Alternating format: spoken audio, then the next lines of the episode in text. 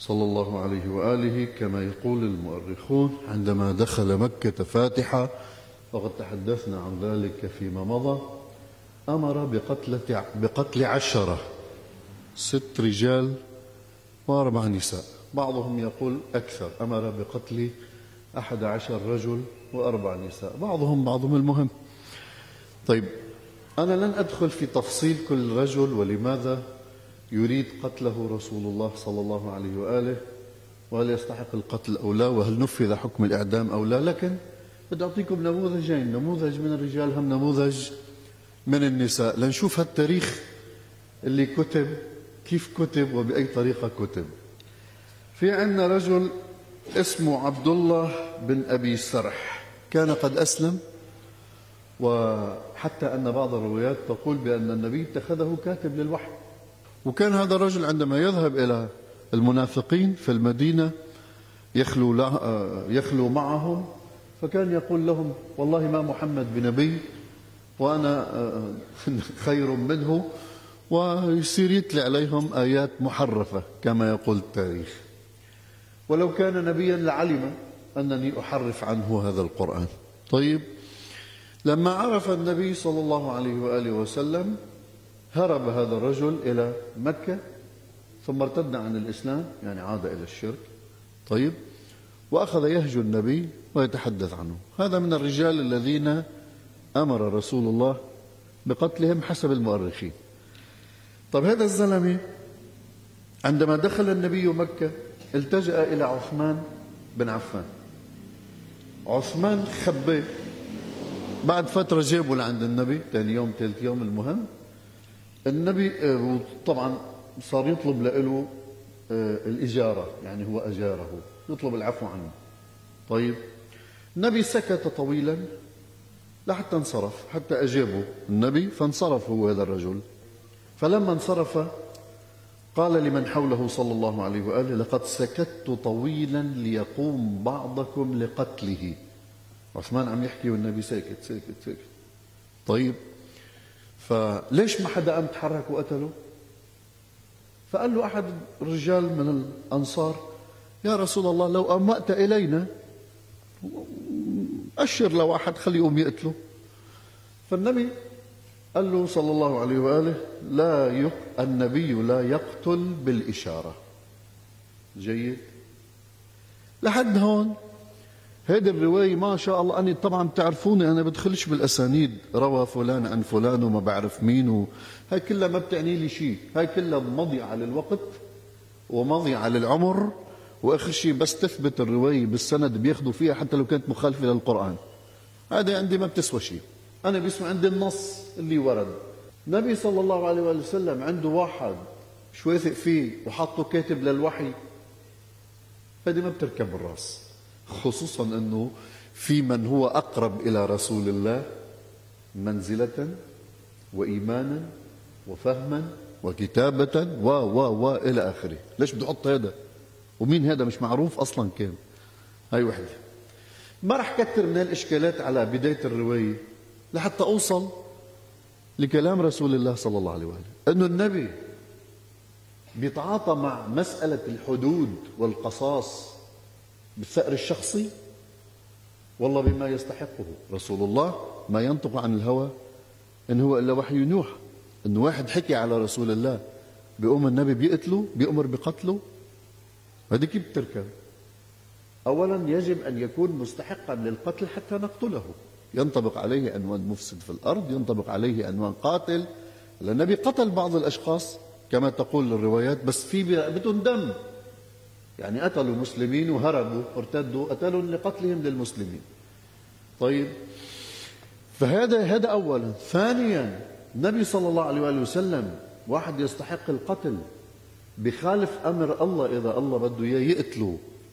وبيسكت ولأجل عيون عثمان كرامته خلص بنعفي عنه.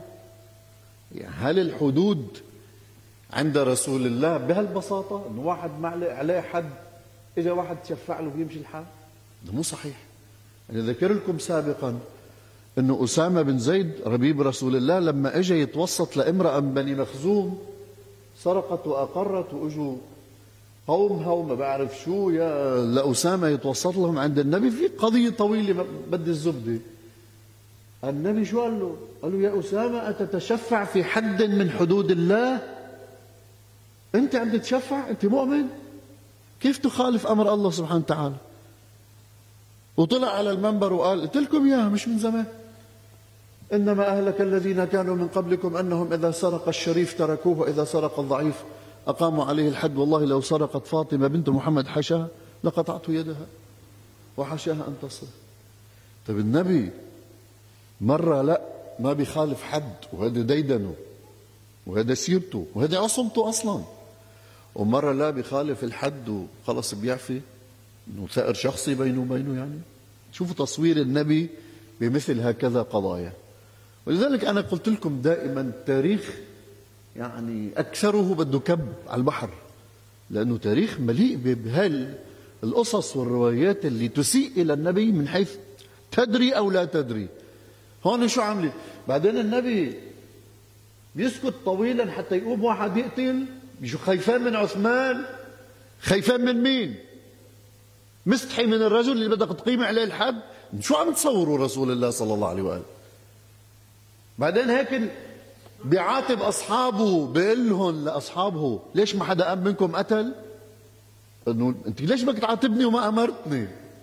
ما له حق يعاتب إذا حسب الرواية وحسب عقلنا وفهمنا لشخصية رسول الله اللي هو على خلق عظيم والمعصوم الذي لا ينطق عن الهوى إن هو إلا وحي يوحى و مستحيل إنه النبي صلى الله عليه وآله يعاتب ناس ليش ما عملتوا هيك؟ شو معرفنا إنه إنك بدك هيك؟ إحنا ما بنعرف بالغيب ولذلك هذا الأنصاري قال له للنبي طيب خل ليش ما أشرت إلنا؟ شفت كيف؟ كل الرواية على بعضها ما نزلتها بس مع الأسف مدونه في كل كتب التاريخ. هلا بيطلع لك واحد مش عاجبه الحكي. شو بيقول لك؟ لا لا لا لا أنت عم تجيب من تاريخكم كما قلنا صار. لا يا حبيبي عم تجيب من تاريخ اليعقوبي من الطبري من ابن هشام من ابن إسحاق من فلان من فلان. ما شاء الله. في عندك أشخاص آخرين قتلهم رسول الله لأنه كان كما يقال وهن كل اللي قتلهم يعني أمر بقتل عشرة على أقل الروايات. نقتل منهم أربعة وعفى عن سته طيب ومن جملة مين اللي, انعفى عنه؟ قاتل الحمزة. ها؟ الحبشي. قاتل الحمزة اجى لعند رسول الله صلى الله عليه وآله وأنه أني اسلمت وأني كذا. فقال له النبي الإسلام يجب ما قبله اذهب ولا تريني, تريني وجهك. الآن بتصح بس كيف تأمر بقتله ثم تعفو عنه؟ هذا الإشكالية هون. إذا كان مستحقا للقتل لا يجوز حتى لرسول الله صلى الله عليه وآله أن يقصر في إقامة حكم الله سبحانه وتعالى. طيب جاريتان لابن خطل تدعيان فلانة وفلانة كانتا تغنيان بهجاء رسول الله. في نسوان تنتين بيغنوا زين؟ وهن عم بيغنوا بيغنوا بالهجاء. يعني بيشتموا النبي أثناء الغناء. النبي أمر بقتلهم. معقول نص قريش إذا مش كلها هاجيتوا للنبي ساحر كاذب مجنون ترمي الأوساخ. ما أمر بقتلهم النبي؟ قال لهم اذهبوا أنتم الطلقاء. إلا هذول الجاريتين. أنا روح اقتلوهم. معقول النبي يسوي هيك؟ ينزل لهالمستوى أنتم عم تنزلوا مستوى النبي؟ بعبارة أخرى. عم تصوروا النبي بأنه شخص إنسان هيك دكتاتور والعياذ بالله وإنسان يغضب لشخصه ولنفسه شوي مين سبوا روح اقتلوه هذا مش رسول اللي عم تصوروه. أخشي بدهم بيزعلوا قال ليش بيجي حدا بيحكي على المسلمين؟ أي أحد بيجي بيقرأ التاريخ وبيحكي على رسول الله وبيحكي كذا؟ ما شو بدك تقول له؟ هذا تاريخك اللي أنت مثبته. روح نظف كتبك ونظف تاريخك بعدين قل للمسلمين وقل للعالم أنا هذا الكتاب الذي أعتمده مش ذاك الكتاب. واللي طالما منتشر كل هالحكاية مرة النبي شو؟ يأمر بقتل امرأة هجته. مرة النبي كيف؟ مرة يقول اذهبوا أنتم الطلقاء لأهل مكة. مرة بيقولون لا هو العشرة. هودي أذوني كثير بسبابهم روحوا قتلوهم. كيف هيك؟ نفس الإشكالات اللي مرت على هذا. فالمهم في وحدة قتلوها. الثاني هربت. بعدين عفى عن قال لهم خلص اتركوها معلش. ما زال سكتت خلص اتركوها. هذا مش تصرفات نبي بحسب المرويات المذكورة أنا رح أكتفي بهود تنتين ما رح أعلق على كل واحد كيف وليش. خلينا نعتبر أن من قتل كان في برقبته دم مثل عبد الله بن خطل طيب وكان مسلما فقتل مولاه. سيده وارتد عن الإسلام وجعل يهجو النبي بشعره سبب القتل مش لأنه هجى النبي سبب القتل لأنه قتل. ولا لأجل الارتداد أيضا لأنه في ناس ارتدت. ومثل ما دائما بنقول أنه بالقرآن في آيتين ما بتحكي عن قتل المرتد. صرنا مكررين كثير بينما فتاوى العلماء من كل المسلمين بيقتلوا المرتد. في آيتين بالقرآن تحكي تحكي عن الارتداد. عذابه بالآخرة مش بالدنيا. وبعدين النبي ما مارس فعل القتل للمرتد على الإطلاق. أشخاص كتار اللي ارتدوا في المدينة أو ارتدوا كانوا أو ذهبوا إلى مكة أو حتى لا ما قتلهم النبي صلى الله عليه وسلم. بكل الحالات أنا لا أقبل مثل هكذا تاريخ على الإطلاق. بعد ذلك في حادثة أخرى أنه خالد ابن الوليد بعد ما خلصت فتح مكة وكسروا الأصنام وجاء الحق وزهق الباطل إن الباطل كان زهوقا. نزلت سورة الفتح اللي حكينا عنها سابقا إذا جاء نصر الله والفتح. استتب الأمر دخل الناس في دين الله افواجا. طيب فخالد بن الوليد حمل حاله وراح بغزوة. معه ما يقارب 350 رجل من الأنصار والمهاجرين وفيهم عبد الرحمن بن عوف. راحوا على بنو حذيفة. كانوا بنو حذيفة قد أصابوا نسوا من بني المغيرة وقتلوا عوفا بيوا لعبد الرحمن إلى آخره.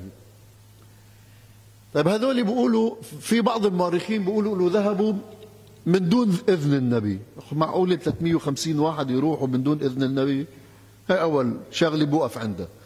ثاني شغلة راحوا هذي بحسب ما مدون في التاريخ بهذه الغزوة لهول الجماعة هول الجماعة وصل خالد واختلفوا عبد الرحمن بن عوف. تقتل ما بتقتل ما فيك تقتل كذا اختلفوا وياه وقع النزاع بيناتهم. طيب بيقوم خالد بيقتل كذا واحد منهم. وبيقول له لعبد الرحمن بن عوف أن لقد أخذت بثأر أبيك ما هو قاتلين بيك. وأنا قتلت لك إياه. قال له لا مش صحيح. أنا قاتل أبي قتلته في حادثة أخرى ما بدي فوت فيها تفصيلا طيب ف بيختلفوا وياه بيوصل الخبر للنبي صلى الله عليه وآله. بدون التاريخ كذلك شو بيقول؟ النبي بيقول اللهم إني أبرأ إليك مما صنع خالد بن الوليد. ثم أرسل عليا وأعطاه الأموال وأمره بأن يفدي يدفع دية آه، هذول آه، القتلى اللي قتلهم خالد بن الوليد. بعد ذلك مباشرة سمعت يعني هوازان أخبار انتصار النبي وفتح مكة ودخول الناس في الإسلام والقبائل من حول مكة وكذا. في الطائف ثقيف وهوازان وبني نصر وما بعرف مين من هالقبائل ما عجبهم الموضوع. فقاموا قالوا ما دام النبي فتح مكة يعني جاي لعنا يفتح بلادنا ولذلك تجهزوا لمحاربة رسول الله صلى الله عليه وآله وسلم. وكان قائدهم حثهم على آه، القتال هو من أشرافهم مالك بن عوف. وجمع كل هذول جمع حتى يقال بأنه جمع 30 ألف واحد. سبب غزوة حنين هي أنه خوفهم من أن يأتيهم رسول الله صلى الله عليه وآله فاتحا كما فتح مكة. وهن مشركين وعلى عبادة الأصنام وما بدهم هالشيء على الإطلاق وهن كتار. فلذلك وصل فيهم بهذا الجيش بعد ما جمعهم لمنطقة معروفة باسم حنين وهي بين مكة والطائف. والنبي صلى الله عليه وآله وصل الخبر طلع بالجيش اللي معه العشرة آلاف اللي إجوا معه من المدينة وألفين زيادة اللي هن من الطلقاء يعني من أهل مكة طلعوا باتجاه حنين. يقول جابر بن عبد الله الأنصاري لما استقبلنا وادي حنين انحدرنا في واد من أودية تهامة وذلك في عماية الصبح وكان القوم قد سبقونا فكمنوا لنا في شعابه وأحنائه ومضايقه فما راعنا ونحن نسير إلا كتائب هوازان ومن معها من العرب قد شدوا علينا شدة رجل واحد فانهزمنا من بين أيديهم. ليش انهزموا؟ في بداية المعركة المسلمين انهزموا. ليش؟ لأنه عجبوا بأنفسهم أخذتهم العزة والغرور وقالوا بعد ما شافوا هالجيش 12 ألف لن نهزم بعد اليوم من قلة صاروا يحكوا بهالشكل. أعجبوا به هذا اللي قلت لكم إياه بالدرس الماضي بفتح مكة أنه النصر يجب أن يقود إلى التواضع لأن النصر إذا لم يقود الإنسان إلى التواضع يصيب صاحبه بعمل بصيرة. بعش يشوف مضبوط الحياة الحقائق ويصيب وأيضا يؤدي إلى الهزيمة. ولذلك في بداية المعركة فر المسلمون بس شافوا هالشكل هربوا يمين وشمال والنبي يدعوهم إلي أنا رسول الله محمد بن عبد الله فلم يجيبه أحد من المنهزمين. هسه بيطلع لك واحد بيقول لك هذا تاريخكم. ليش عم علق؟ لأنه كتار اللي بيعلقوا على درس السيرة. هذا تاريخكم أنتم الشيعة. صرت قايل ألف مرة شيعة ما كتبوا تاريخ وما بحب قصة شيعة وسنة. بس هذا التاريخ مش تاريخ. ما الشيعة قلت مرارا قلت ما كتبوا تاريخ. اللي وقال ابن قطيبية في المعارف إن الذين ثبتوا مع رسول الله يوم حنين علي بن أبي طالب والعباس بن عبد المطلب وأبو سفيان بن حارث بن عبد المطلب وأسامة بن زيد بن حارثة وبعضهم عد عشرة أشخاص وبعضهم عد عد أكثر بقليل من عشرة أشخاص. هو اللي ثبتوا بس. تصور من 12 ألف بني آدم بيثبت عشرين نفر. حول رسول الله وذوك بهوم على وجههم في الصحراء. ليش؟ أخذهم الغرور. الجهاد في سبيل الله كأنه وصل لحد الإماتة في قلوبهم. مات. غرتهم الدنيا. حتى أن بعض الطلقاء من جيش رسول الله عاد إلى الكفر. بس شافوا النصر لجهة هوازان. منهم كلدة بن الحنبل. قال ألا بطل السحر اليوم؟ سحر محمد بطل. خلص واحد تاني اسمه شيبة بن عثمان حتى حاول قتل رسول الله صلى الله عليه وآله ولكن حالت القدرة الإلهية دون ذلك. بعدين قالوا أسلموا وصلح إسلامهم. بعضهم ما أعلن كفره لكنه شو صار فيه؟ أعلن شماتته مين؟ أبو سفيان. هذا اللي نافخينه اللي حكينا عنه سابقا. أبو سفيان قال لا تنتهي هزيمتهم. يشير إلى محمد. لا تنتهي هزيمتهم دون البحر. يعني بدهم يكربوهم من هون على البحر الأحمر. لا تنتهي هزيمتهم. حتى أبو سفيان شمت بذلك الحين. لكن الله سبحانه وتعالى أراد لهذه المعركة أن تنتهي بنصر رسول الله وأن يعطي درسا للمسلمين أن الغرور والعجب بالقوة بالسلاح بالعدد هذا ما بينفعكم. اللي بينفعكم هو التوكل على الله سبحانه وتعالى. أما بس يدخل الغرور إلى قلوبكم والعجب إلى أنفسكم. و ومن هذه نفخ الشخصية والبالونات المصنوعة هي كلها رح تروح دعوة مع كثرتكم.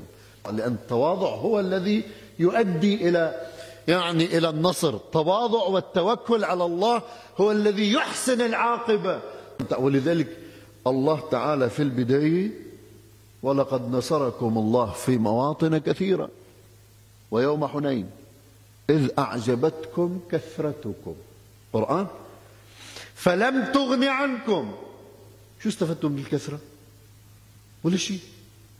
ليش؟ لأن انهزمتم من الداخل. انهزمتوا من خلال الغرور والعجب والتكبر. هذه الهزيمة أشد من أي هزيمة أخرى. أشد. لاحظوا مثلا في بدايات المقاومة الإسلامية كيف كانت الشباب الكبارية بتذكروا؟ وإحنا عايشنا هذه الفترة وعايشنا الشباب كيف كانوا؟ قمة في الأخلاق قمة في التدين قمة في التواضع. إذا حدا بيسيء لهم صوتهم ما بيطلعش عيونهم دائما بالأرض. أخلاق يعني عالية جدا. وشو عندهم سلاح؟ ولا شيء. قدام مين؟ أعطى قوة في الشرق. إسرائيل. والله نصرهم ليش؟ بحسن التوكل تواضع بالإيمان بيبي. بهي الثوابت. ويوم حنين إذا أعجبتكم كثرتكم فلم تغن عنكم شيئا وضاقت عليكم الأرض بما رحبت. قديش واسع وادي حنين؟ صرتوا تهربوا يمين شمال. هاي بيعطيك درس. الله عم يعطينا درس وثبته في القرآن ليكون درس لكل التاريخ. ثم وليتم مدبرين هربتوا فريتوا نبي لكم إلي إلي أنا محمد بن عبد ما سألانين عن نداء محمد صلى الله عليه وآله وسلم. ثم أنزل الله سكينته على رسوله. الله اللي ثبت النبي الله اللي ثبت مع وأنز وعلى المؤمنين. ليك الله شو قال؟ الله ما قال على اللي هربوا. قال هوديك هربوا بس هدول القل اللي ثبتوا الله نزل سكينتهم عليه لحتى يثبتوا أكثر. وكان بعض الروايات تقول الإمام علي من اليمين من الشمال من الكذا. أصحابه اللي اللي بقيوا معه. وأنزل جنودا لم تروها. قلت له بعد الله ينزل جنود. خلص الله بده بده ينصر رسوله لأن كانت نهاية. يعني بده ينهي الشرك تقريبا في تلك المنطقة. أنزل هؤلاء الجنود لحتى ينهي الشرك في مصلحة كبرى. ما اعتمد على المسلمين وجهادهم لأنه عجبوا بأنفسهم وهربوا خافوا وتعلقت دخلت الدنيا إلى قلوبهم. أه؟ ما عاد بعد يا أرض اشتدي وما حدا قدي بس تدخل الدنيا إلى قلب الإنسان وتعميه الغنائم وتعميه التكبر بقاش يشوف قدامه. فما راح بدل 12 ألف راح نزل شو؟ جنود من 12 ألف. لاحظ ببدر قديش كانوا؟ 300 واحد. 300 واحد. 300 هنا قديش؟ 12 ألف. بأحد ما نزل. وطبعا أنا رأيي أنه نزل مش حتى يقاتلوا. نزل لحتى ليقللهم في أعينكم ويكثركم في أعينهم. يعني دعم معنوي حتى يخافوا. ومع ذلك الله سبحانه وتعالى رجع مال الدفي إلى جهة رسول الله صلى الله عليه وآله وانتصر المسلمون وجاء في إرشاد المفيد أن الآية تعني المؤمنين يعني اللي ثبتوا مع رسول الله صلى الله عليه وآله. كما جاء في تاريخ اليعقوبي المجلد الثاني أن المسلمين قد انهزموا عن رسول الله وبقي في عشرة من بني هاشم وقيل تسعة وهم فلان وفلان علي والعباس وأبو سفيان بن الحارث نوفل بن الحارث عتبة ومعتب ابن أبي لهب الفضل بن العباس عبد الله بن الزبير إلى آخره. هذا التاريخ اليعقوبي. على أي الأحوال هذا اللي صار تقريبا باختصار الطبري في تاريخه وابن هشام في سيرته رأى من كان مع رسول الله من جفاة مكة الهزيمة. قال أبو سفيان بن حرب لا تنتهي هزيمتهم دون البحر. يعني مش نحن اللي قلنا. مين اللي قال؟ ابن هشام والطبري والشيخ حسين الديار بكري في تاريخ الخميس وغيرهم من هؤلاء الذين أرخوا. طيب في كتير مواقف أنا ما في ضرورة أني ضلني أذكر التفاصيل. أنا بهمني الزبدي من معركة حنين وبعد ذلك أخذوا أسروا من أسروا وانتصروا وعاد المسلمون بعد ما شافوا النصر حليف رسول الله صلى الله عليه وآله عادوا إليه. هلأ بعدين بنشوف إذا في بعض التفاصيل الأخرى اللي ممكن أنها تنذكر وما يعني ما كتير آه، بشوف في داعي لإلها. بكتفي بهذا المقدار والحمد لله رب العالمين.